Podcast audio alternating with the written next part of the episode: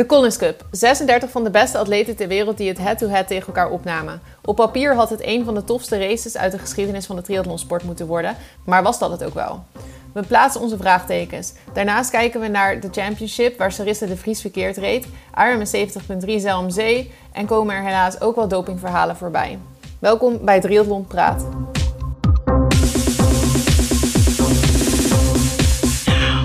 Romy, hoe was je week? Druk, best wel druk. Ja, hè? Ja, bij jou ook hè? Bij, uh, bij mij ook, maar uh, jij bent vandaag uh, pas teruggekomen. Ja, en ik moest nog rijden. Ik had niet de luxe dat ik gewoon lekker in een vliegtuig stapte en dat ik er dan een paar uurtjes later was. Dus ik moest nog tien nou, uur in de auto. Ik, ik, ik, ik, weet niet of dat nou per se een hele grote luxe was, want het was echt gigantisch druk op het vliegveld. Oh ja? Maar het was, ja, ik weet niet, vliegen is toch nooit echt een luxe? Nee, eigenlijk het vliegen duurt vaak ook nog veel langer... doordat je dan alweer van tevoren in moet checken en zo. Ja, ik hou eigenlijk ook niet echt van vliegen. Misschien heb ik liever Ja. nog met de auto. Maar goed, ik heb wel een beetje een stijve rug en zo. En ik ben een beetje moe. Ja, lange rit. Maar ja, in Ja. ieder geval eh, voor de mensen die misschien vorige week de podcast niet heb gelu- hebben geluisterd. eh, jij kwam terug uit uh. Evert deed natuurlijk daar een, een halve, Mhm. de halve Ironman dus. En Jo Soms stond daar ook aan de start, maakte zijn debuut op de halve. Ehm, en ik eh, kom terug uit eh, Samorin, Slowakije. Ik was daarbij eh, zaterdag de Collins Cup, zondag Challenge Family de Championship. En misschien moet ik sowieso eerst even zeggen dat ik hoop dat iedereen me goed kan verstaan, want ik ben echt zo verkouden als maar kan. Eh, maar ja, Romy, de show must go on, hè? Ja, maar je klinkt hartstikke normaal hoor. Ik denk dat je dat je, je holtes dicht hebt. Dus dat het voor jouzelf raar klinkt. Ja, want zo voel ik, ik voel me in ieder geval niet oké, maar dan gaan we lekker door, dan eh, is het goed om te weten. Maar eh, ja, waar gaan we beginnen, Romy? Want volgens mij best wel veel spektakel eh, dit weekend. Mhm. Ja, wat mij betreft beginnen we met de Collins Cup. Dat was natuurlijk sowieso zaterdag de eerste wedstrijd. En op papier in ieder geval, eh, ja, volgens mij bij far de allergrootste wedstrijd. We hebben het natuurlijk eh, meerdere keren beschreven en ook eh, vorige week in de podcast. Ja, echt vrijwel de complete wereldtop stond daar aan de start. Ik zal wat namen noemen. Jan Vodeno, Patrick Lange, Sebastian Kienle.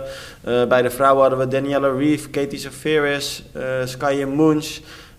Je kan nog een hele tijd doorgaan, want er waren twaalf vrouwen en... nee, sorry. eh, zes- eh, 18 vrouwen en 18 eh, mannen. Ehm, maar ja, wat op papier een geweldige wedstrijd had moeten worden. eh, ja, ik weet niet of dat in de praktijk zo was. Want ik stond erbij en ik vond het heel vet om al die atleten te zien. Mhm. Maar er kwam na afloop best wel wat kritiek op de, op de PTO, de organisatie eh, achter die Collins Cup natuurlijk.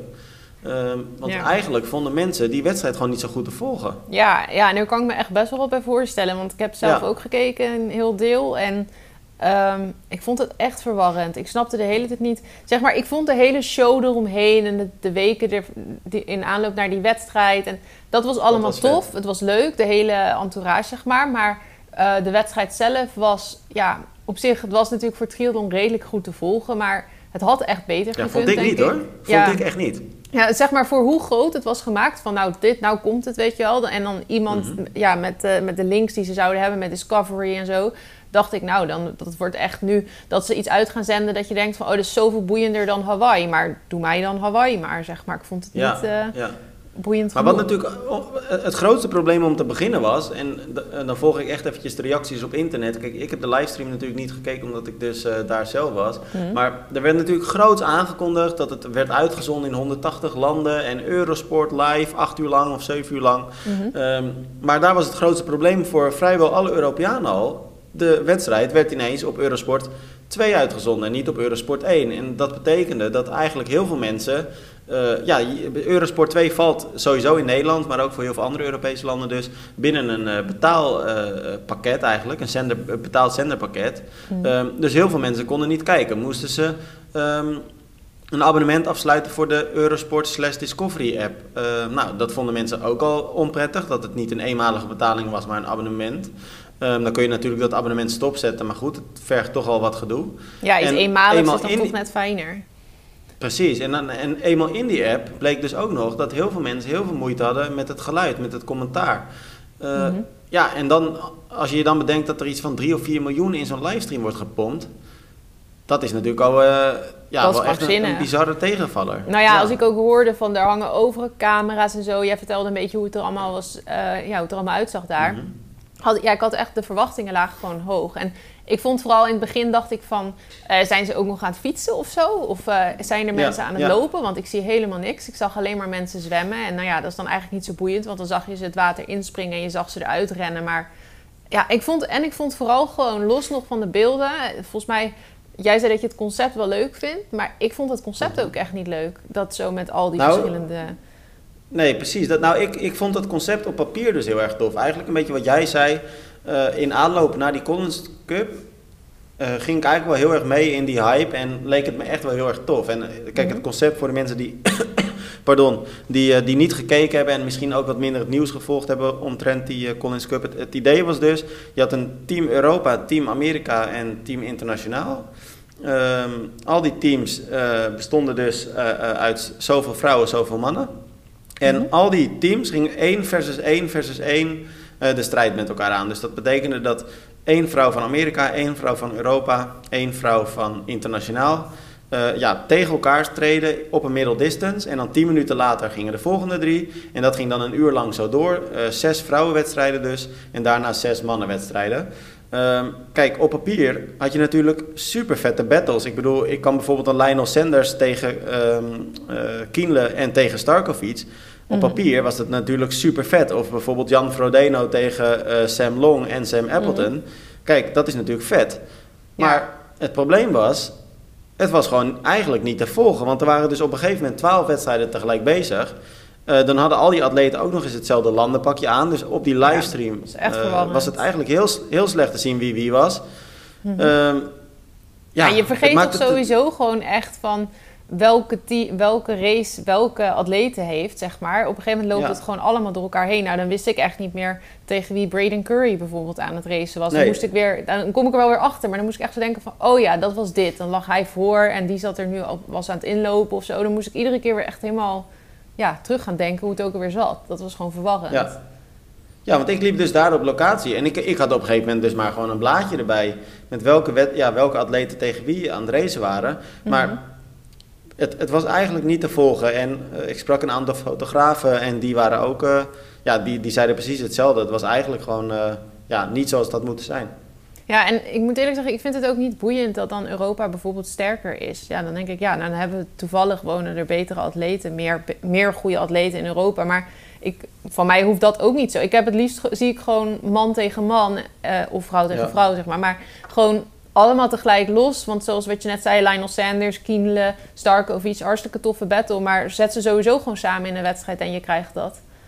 Maar laat dan Ja. Frodeno ook in diezelfde wedstrijd zeg maar meedoen. En ja, laat iedereen dan die wedstrijd gewoon doen. Gewoon tegelijkertijd starten. Gewoon Ja. zoals het triathlon gemaakt is, zeg maar. Zo, zo zie ik het het liefst. Ja, ja, nou ja, en precies wat jij ook zegt. Kijk, eh, mij boeide het eigenlijk ook niet. Het maakte mij echt niet uit of nou Europa of Amerika of internationaal eh, won. Maar dat is natuurlijk wel echt typisch iets Amerikaans, hè? Want die vinden dat wel echt Mhm. vet. Ja, grappig dat ze het bedacht maar, eh, hebben, want ze maakten eigenlijk geen kans. Nee, nou ja, uiteindelijk toch nog tweede, hè? Internationaal. Ja. Het het was toch even internationaal, die spannend was ook wel. Het was even spannend, maar, weet je, maar dat is ook weer grappig dat je dat zegt. Want het was dus op papier spannend, maar ik heb daar geen één keer gedacht, oh wat spannend. Nee, omdat het je gewoon niet echt boeit, blijkbaar. Nee, maar ook omdat het onduidelijk was wat er nou aan de hand was. Ja, nou ja, ik had wel in het begin dat ik dacht van... ook had verwacht dat Europa er nu wat beter voor zou liggen. Maar we hadden alle, bij de vrouwen vooral een paar missers, denk ik, vanuit Europa. Ja, zeg maar. vooral Danielle Ree viel me heel erg tegen. Nou, dat is echt bizar, ja. Ja. Maar ik zat even Maar, te denken, ehm, stel nou ja. dat echt iemand helemaal gefocust had op Hawaii. Want ik hoorde later dat ze alleen maar startgeld kregen. Ze kregen niet, een- dat ze geen bonus krijgen. Dus dan nou, doe je het puur het voor is namelijk eer. zo.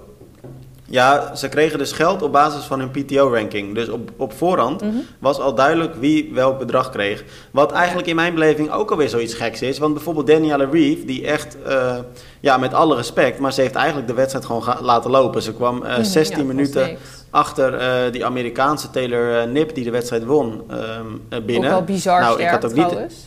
Echt bizar sterk op een normale racefiets. Maar Ja. hoe dan ook, 16 minuten erachter. Dus die heeft echt niet lopen pushen. Maar die kreeg Mhm. veruit het meeste prijzengeld. Omdat ze PTO-ranking 1 heeft. Ja. Ja, dat Nee, is dan ook wel weer 90.000 zoiets- euro of zo hoorde ik ergens. Ja, ik geloof 80.000 dacht ik, ja. Dat is toch echt bizar. En Ja, alleen maar om te starten. ja. Nou, je moest dan wel de finish halen hoor. Oh, oké. Nou ja, maar ja, dan had je in principe alle tijd. Maar goed, als je topsporter Ja, ja. bent, dan wil je het natuurlijk ook goed doen. Maar ik had eigenlijk verwacht dat ze ook met een soort bonussen wel zouden werken. Mhm. Nou ja, en dat zeg jij, dan wil je het graag toch goed doen. Maar ik had dat bij Reef, had ik dat dus totaal niet. Ja. Ja, Wat trouwens wel grappig is aan die Collins Cup, dat moet ik dan wel eerlijk zeggen. Mhm. Ehm, ook de atleten die als derde kwamen, dus eigenlijk als laatste hè, van hun heat, ja. die eh, waren toch nog aan het sprinten om ehm, zo kort mogelijk op die nummer 1 te zitten. En dat had te maken Ja. met het idee dat ehm, je op basis van tijdverschil ook nog bonuspunten kreeg voor die ehm, tussenstanden. En dat was dus wel grappig. Dat, Ja, dat, dat systeem werkte echt goed eigenlijk. ja, dat is inderdaad dat is wel slim dat ze dat hebben gedaan. Want anders dan zouden mensen veel te snel echt helemaal opgeven. En dan, dan is het gewoon niet... Ja. Ja. dan wordt het gênant om naar te kijken bijna, zeg maar. Maar ik moet wel zeggen, Romy, wedstrijd viel dus een beetje tegen die zaterdag. Mhm. Maar die hype eromheen was wel echt vet hoor. Want ze hadden dan op eh, vrijdag of donderdag uit mijn hoofd, twee dagen of één dag van tevoren, hadden ze dan een, eh, ja, een grote teamaankondiging. En dan gingen ze bekendmaken welke atleten dan tegen wie zouden racen. Nou, dan Mhm. kwamen dus al die, eh, die 36 atleten kwamen ook dat, ja, die, die grote zaal in. Echt met super vette muziek erbij. En ja, dan zie je natuurlijk al die aan. atleten bij elkaar. Wat zei je? Ik zag ook dat ze allemaal dezelfde pakjes aan hadden. Ja, precies. Dus dat was wel echt heel vet hoor. En eh, wat dat betreft, er zit zeker potentie in de Collins Cup. Maar ik, ja, ik, weet, ik weet niet. Ik ben heel erg benieuwd of Ah. ze vast gaan houden aan dit format. Weet je wat ik vind? We, het is altijd zo dat mensen zeggen van... oh, eh, triathlon is geen goede sport voor tv, want het duurt te lang. En dan denk ik, maar dit duurt zeven uur. Dan kun je Ja. toch... Dan, dan, zeg maar, dit zou dan een, verbe- een verbetering moeten zijn... ten opzichte van bijvoorbeeld Ironman Hawaii. Want Ironman Hawaii zou niet aanslaan op tv... omdat mensen dat te lang vinden duren. Maar als je mij vraagt, is dat gewoon veel leuker om te kijken. En dat duurt dan een uurtje Ja. of anderhalf langer. Ja. Nou ja, en het probleem is ook gewoon dat de PTO dingen heeft beloofd die ze niet zijn nagekomen. Want er werd- ook gezegd dat je op tv dan de hartslag kon zien en de Ja, dat wattages. waar. dat was gewoon allemaal niet te zien. Dat kon je alleen in de app zien. Maar de app werkte ook alweer half, begreep ik. Ik Dus, had ook meer mee ja, willen dat- krijgen van de coaching ook. Dat had ik ook nog wel leuk Ja, dat was op zich. Op de livestream zag je dat een beetje. Maar eigenlijk ook veel te weinig inderdaad. Ja, het, wa- want de tactiek kwam ook niet helemaal door of zo. Nee, nee, Er werd trouwens veel hè? Ja, nou ja, twee keer geloof ik. Ehm, hoe heet het? Holly, Ro- Lo- nou, Holly Lawrence die eh, ging eh, hard onderuit over, het, Mhm. ja, over zo'n witte verkeersstreep, gladheid. En eh Lionel Sanders eigenlijk precies hetzelfde. Volgens mij ook bijna dezelfde plek. Dus eh Nou, ze konden allebei wel gelukkig door. Maar, Ah, ja, ja misschien dat er nog een aantal gevallen zijn die dan niet uitgezonden zijn. Maar Hmm. ja, dat, dat hoort er, Evert is hoort ook precies bij. daar gevallen. Tenminste, hij dacht dat het Wanneer? precies daar was. Ja, tijdens die wedstrijd, Toen hij, een paar jaar geleden. Toen hij de championship deed bedoel je? Eh, ja, die heeft hij nooit gedaan. Hij deed het voordat het, het jaar voordat het de championship werd. Toen heeft hij hem Ja, gedaan. Challenge Samorin dan of zo. Ja, Challenge Samarin gewoon, ja, precies. En Ja, toen regende het ook. Maar toen won hij wel. Ja, ik had ook niet door dat hij was gevallen. Pas na de finish zei hij van, eh, ja, ik ben gevallen, hè? Dus ik, oh, oh, ik zie in één keer allemaal bloed en zo. Dan denk ik, oh ja, niet zeg. Goed verhaal. Ja. Nou ja, goed, dat hoort er eh, helaas bij. En daar zullen we allemaal eh, ja, zo af en toe eh, wel eens mee te maken krijgen, helaas. Maar eh, nou, laten we gewoon even een dagje later pakken. Toen ging het helaas ook niet helemaal goed. Hele vette wedstrijd, de championship. Ook echt topatleten aan de start, zowel bij de mannen als bij de vrouwen. Maar ja, als ik dan naar de vrouwenwedstrijd keek en dan pak ik gewoon Sarissa de Vries eruit. Ja, grote domper. Ja, ze is verkeerd gereden. Samen met een aantal andere dames. Vanilla Langridge, India Lee. eh, ik geloof... Nee, ik weet niet. Er zaten er nog een paar bij. Ik weet nu eventjes niet meer wie, maar in ieder geval die twee. Ehm, Mhm. Ja, dat is wel echt pijnlijk. Dat is echt 10 zuur. kilometer te ver gereden. Ja, hoe sneu. Ja. Dat is echt... Wat, wat een manier om, echt- om die winst aan je voorbij te zien gaan. Tenminste, niet dat ze anders per se had gewonnen natuurlijk. Dat weet je nooit. Maar die kans was er. Dat dan zo Die kans was eh, zeer eh, aannemelijk, want ik heb de, de tijden nog even bekeken na afloop. En ehm, eigenlijk kon je de conclusie trekken dat als eh, de tijd van, want ze verloor iets van 16, 17 minuten geloof ik op de fiets. En Mhm. als je dat eraf haalde, was het dik op nummer 1. En al Oh, die dames die achter haar, oh ja, Lisa Noorden die zat er ook bij. Al die dames die met haar verkeer zijn gereden, die, die zaten achter haar uiteindelijk. Ah. Ehm, ja, dus vrijwel zeker winst aan de neus voorbij gegaan. Ja, dat is echt... Oh man, ik zou dagenlang huilen. Dat is echt sneu. Nou, ik sprak er na afloop, eh, natuurlijk gelijk na de finish. En ik moet zeggen, ehm, hele volwassen reactie. Ik had ook Ja. niet anders verwacht van Sarissa trouwens. Eh, die is ook Nou, wel ik heb er wel, want ze is wel eens, en trouwens ook helemaal terecht en logisch, want ze heeft ook wel eens heel geëmotioneerd bij jou voor de microfoon gestaan toen, eh, na de Ja. battle met Yvonne natuurlijk. Toen ze... Maar dat was natuurlijk ook wel heel erg veel vermoeidheid die erbij kwam. Mhm. Ehm, maar nee, maar dat is absoluut waar. En ze heeft ook eh, huilend voor de camera gestaan toen ze Nederlands kampioen sprint werd. Dat was Mhm. eh, huilen van blijdschap. Maar Mhm. ik moet zeggen, ze had er een hele realistische blik op. En ze zei gewoon, ja, ik, ze zei ook, ik, eigenlijk iemand voor me ging, ging de verkeerde afslag op. En ik wist dat we fout gingen. Maar ja, ik durfde toch niet te keren, want je volgt dan toch. Hm. En ehm, Maar hoe lang duurde het dan dus voordat ze keerden? En hoe kwamen ze Nou ja, dat is dus ook zoiets. Want dan hebben ze een paar honderd meter later hebben ze tegen elkaar gezegd, dat groepje, van jongens, volgens mij gaan we verkeerd. Wat gaan we doen? Toen zijn ze toch nog doorgereden. En toen heeft een motor, ja, of iemand van de jury, heeft ongeveer na vijf kilometer, want het was een heen en weer Oh. parcours, eh, heeft na vijf kilometer gezegd, jongens, jullie moeten keren, jullie zitten helemaal verkeerd. En ja, Oh, dus hebben wat ze tien kilometer, eh, tien kilometer verkeerd gereden. En dan moet je zo En nog doorgaan met zo'n wedstrijd. Ja, dat, nou ja, dat heb ik dus ook aan haar gevraagd. En eh, kijk ook vooral het interview, mocht je dat nog niet gezien hebben. Maar dat zei ze ook. Ze zegt, ja, ik heb geprobeerd de knop, op nul, de knop eh, om te zetten, mijn verstand op nul te zetten. En ehm, ja, aan Almere te denken. Over twee weken het WK in Almere. En ik dacht, als ik deze eh, ja, teleurstelling de baas kan, dan kan ik straks in Almere ja, ook met teleurstelling omgaan, mocht dat nodig zijn. Ja. Nou ja, dat is natuurlijk wel een hele goede, Goede instelling. instelling. Ja, en het is altijd Maar het is- beter om gewoon te finishen, denk ik, dan uit te stappen. Want dan, dan is het nog, nog zuurder, zeg maar. Ja. Maar de championship, hè, het is niet dat het een kleine wedstrijd is of zo. Het is echt een Ja, prestigieuze race. ja dat, gaat dat, daar, dat was voor haar denk ik wel het hoofddoel dit jaar. Of, nou ja, naast Almere natuurlijk dan trouwens. Ja, ik denk Almere. niet. maar ja. Ja, dat zal dan inderdaad het hoofddoel zijn. Maar de championship noemden ze eerder in dit jaar ook al wel als, eh, als een belangrijke race. En dat er dan door zo'n reden Ja. dat het aan je neus voorbij gaat, dat is gewoon echt heel ja, Ja. zuur. Nou, ik, eh, ik moet wel zeggen, het, was, eh, het was wel een prachtige wedstrijd. Ik zat eh, zelf op de motor bij de mannenrace. En ehm, ja, het was een snelweg dus, heen en weer, vier keer. Ehm, ik reed eigenlijk de hele tijd met Frederik Funk en ehm, Florian Angert, twee Duitsers. Ehm, Kon je een beetje blijven zitten op die motor? Ja, dat was echt niet normaal. Dat tempo, jongens. Ze reden dus met wind mee, reden ze over de 60. En met wind tegen. En het was echt een harde wind. Reden ze Mhm. 2,43. Dus echt Oh ja. krankzinnig. En ik geloof dat ze een gemiddelde van 46,5 uiteindelijk hadden. En Oh. daarna volgde nog een halve marathon van iets van 1 uur 8 of 1 uur 9 of zo. Bizar. Ja, ik zit inderdaad nu te kijken, want ik, had, eh, ik zag van eh, Frederik Vonk de, zijn gegevens, op, eh, of niet op Strava, maar op Instagram deelde hij dat. Dus toen, daar staat 347 watt normalized power en inderdaad 46,9 kilometer per uur gemiddeld. Tja, dat is hard hoor. Echt bizar. Ja, dat is echt hard. Ja, Grappig ook, die Nou, atleet die- komt echt nu hard opzetten, hè? Ja, maar hij viel dus toch eigenlijk een beetje tegen. Want hij zei tijdens de persconferentie eh, vorige keer, of, eh, afgelopen vrijdag, van ik kom hier voor één ding en dat is de winst. Nou ja, hij werd uiteindelijk derde, want hij moest eigenlijk bij het lopen gelijk lossen bij Angert. Eh, nadat hij trouwens wel iets van een, anderhalve minuut achterstand op de fiets had goed gereden of zo. Dus ja, hij was wel echt sterk op de fiets. Maar toen kwam Magnus Dietlef eh, ook nog voorbij op de, Mhm. in de laatste kilometers van het lopen. Dus hij werd derde. Maar toen bleek dus achteraf ook dat hij een loopblessure had. Dus hij had eh, zes weken eigenlijk niet gelopen. Had nu weer sinds twee weken wel een beetje kunnen lopen. Dus ja, dan is het ook niet zo heel gek. Ja, no Maar- wonder. Ja. Ja. Maar die jonge Duitse gasten, dat zijn wel echt sterke jongens hoor. Ja, maar je hebt sowieso veel van die atleten nu, die, van die nieuwe namen, die in één keer echt supergoed zijn. Of tenminste, nieuwe Ja. namen, eh, ja, die gewoon in één keer echt eh, een hele grote stap hebben gemaakt. Net, gemaakt, Ja. net zoals Thomas Steger bijvoorbeeld. Thomas Steker die was eh, vierde, die kwam net tekort uiteindelijk. Die gaat over twee weken ook Almere pakken, dus dat wordt interessant. Ah, tof. En het is natuurlijk echt een toploper. En ik sprak hem eh, na aflopen, dat was nog wel grappig. En toen vroeg ik aan hem, wat ga je lopen in Almere? 2 uur 30? Mhm. En eh, toen zat hij een beetje te lachen. En eh, toen zei hij, nou, hij heeft één keer een hele gedaan. Hij heeft een nul gefinished. En toen zei hij, ja, want toen kwam ik van de fiets. En toen Mhm. liep ik mijn eerste kilometer in 5 minuten 30. En toen zei hij, ik Mhm. ging zo kapot. Toen ben ik maar uitgestapt. Dus hij zat te lachen en hij zei, ja, ik, ik moet het nog maar zien in Almere.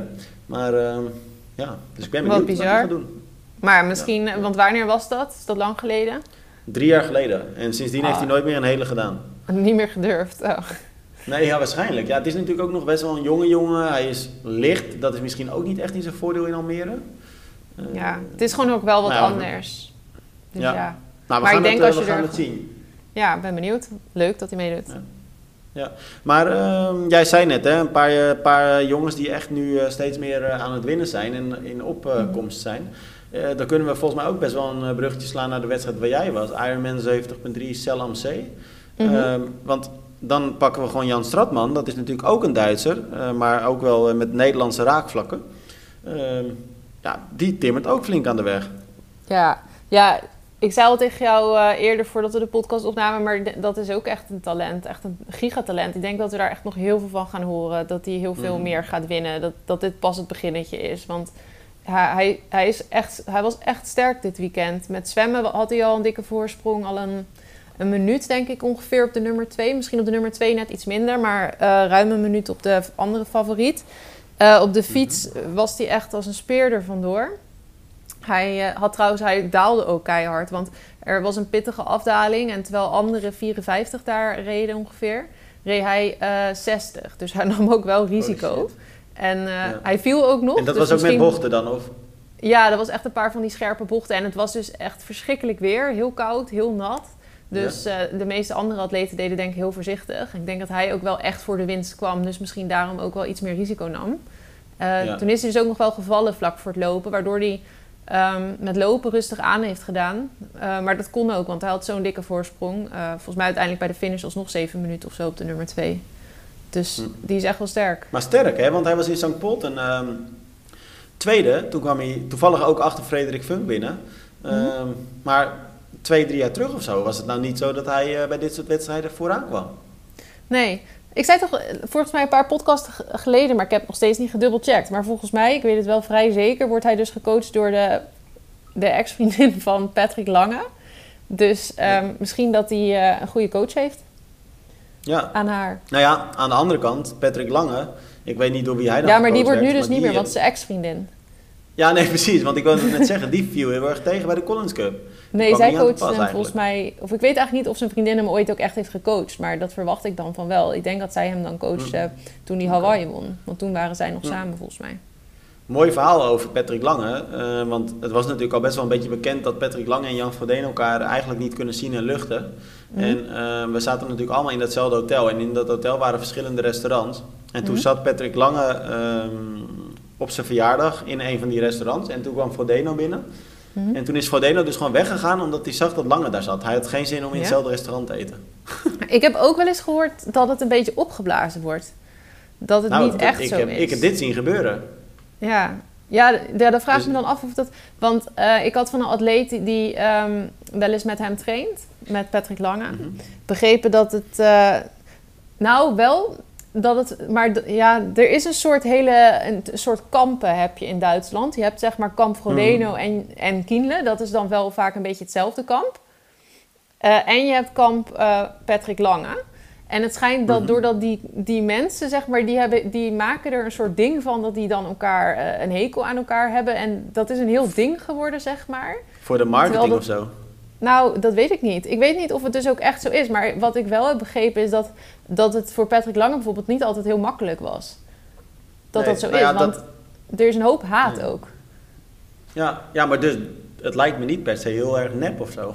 zo kwam nee, het ja, ook niet ja, ik vraag daar. me af. Ik weet ook niet zo goed of het nou dus echt zo is of niet. Maar je hebt ook Nou, wel eens dat het heb- dan misschien gewoon net zo lijkt of zo. Ja, dat je dan... Zoals dat Ja, bijvoorbeeld maar ik, bedoel, ik, Alistair- heb nog nooit gezien dat, ik heb nog nooit gezien dat atleten echt weglopen omdat een ander in een restaurant zit. Nee, dat is waar. Dat is wel bizar. En als dat, dan, En- eh, als dat nep is, dan ga je zoiets toch niet doen? Dat is toch heel raar? Ik heb wel gehoord dat Kienle en Frodeno in ieder geval wel... Ja, dat zijn geen eh, beste vrienden die elkaar ook facetimen buiten de races om, denk ik, of zo. Maar, nee, maar die mogen dat die het wel, goed ja. met elkaar kunnen vinden.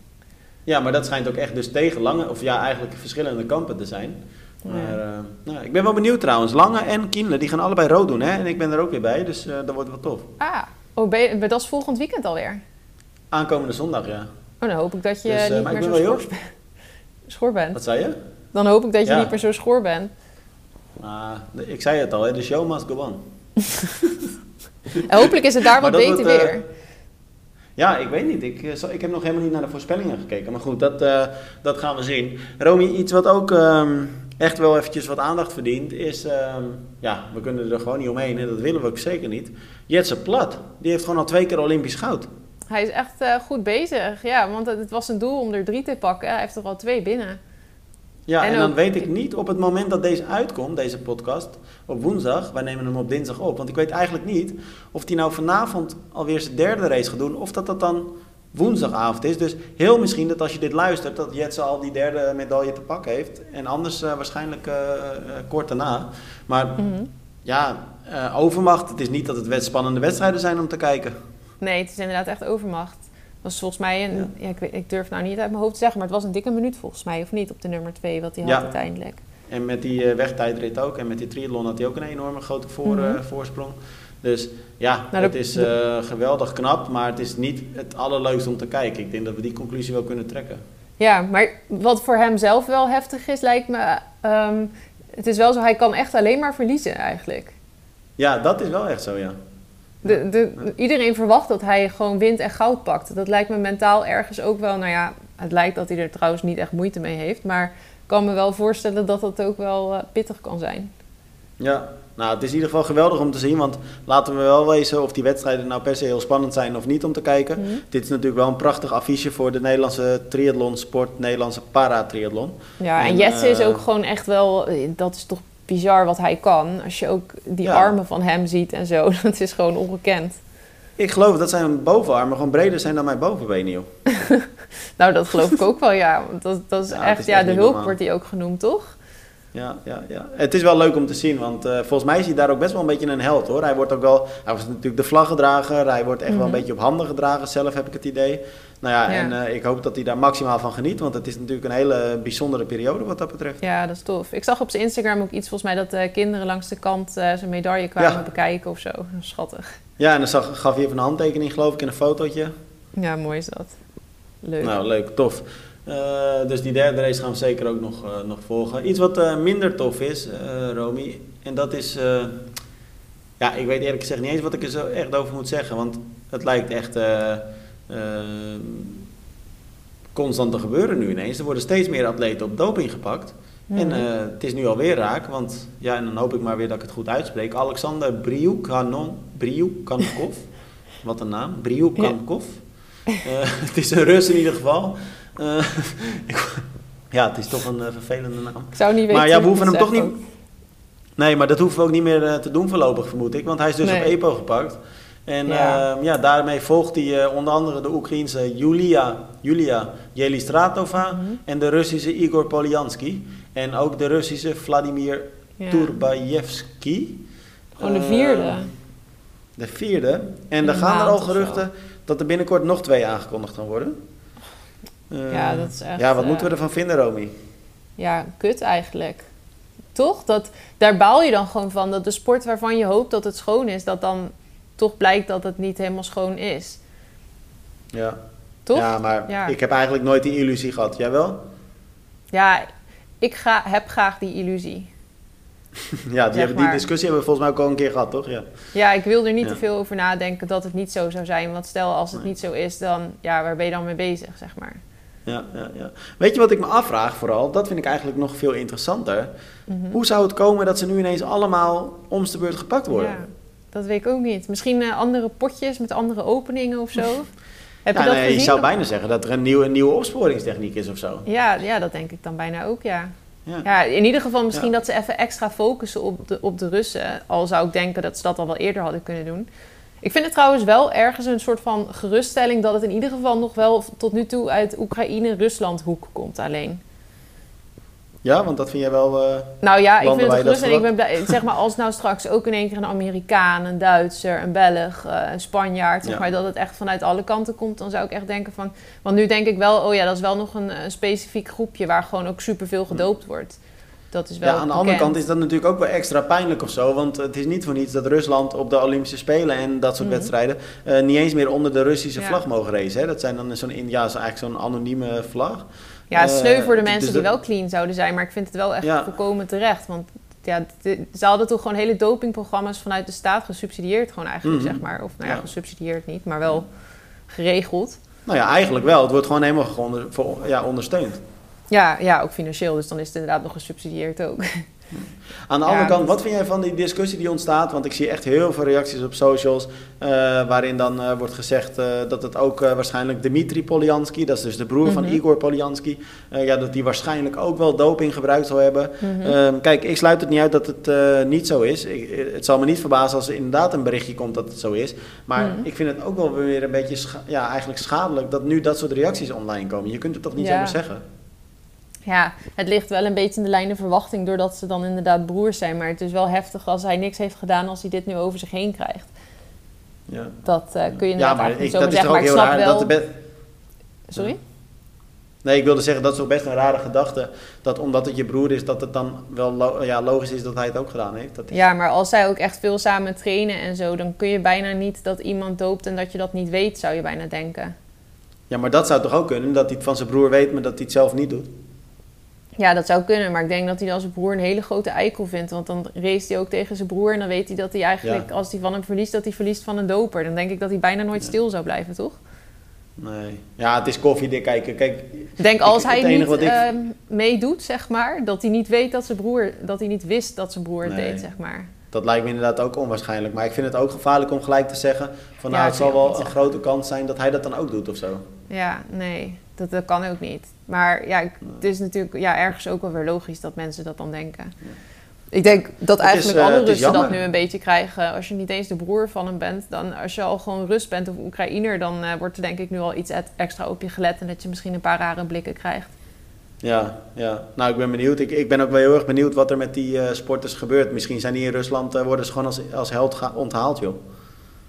Ja, zou het? Door de staat. Nou, door de staat. Ik heb niet het idee dat ze nou per se heel erg aangesproken worden op verkeerd gedrag of zo. Hangen ze gewoon een propagandaposter op met eh, hoe fantastisch het is. Nou ja, Romy, Ik eh, ik word een beetje moe van dat soort verhalen. Jij niet? Van mij? Nee, van gewoon dit soort dopingverhalen. Oh ja, nee ja, ik ook. Iedereen denk ik. Ja, tenminste, moe. eh, je, ik sch- hoop je schrok ook echt een beetje. Ja, ja, ik was bang dat je moe werd van mij. Maar ook goed, dan stoppen we er gewoon mee. Nee, maar ik word, ja, ik Nou, word er nog we- niet moe van, want het is gelukkig nog niet alsof ze echt aan één stuk door, weet je wel, komen. Maar deze maand, het mag nu alweer even kappen, want het is niet, eh, ja, dat wil je gewoon niet. Maar Romy, wat we wel willen is, eh, of in ieder geval ik, eh, lekker stoppen met deze podcast. Want hoe je het ook went of keert, die dopingverhalen, ik word er toch gewoon een beetje moe van. En nou, wat dat betreft richt ik me eigenlijk liever op de, op de toffe dingen. En die gaan er deze week wel weer komen, toch? Ja, ja, rood staat op het programma dit weekend, dus dat is een mooi vooruitzicht. En eh, een beetje een, dumper, een domper aan het einde van de podcast, maar eh, verder was het een topweekend natuurlijk. Precies. Ik spreek je gewoon lekker volgende week weer. Yes, doei doei! Jo, hoi hoi.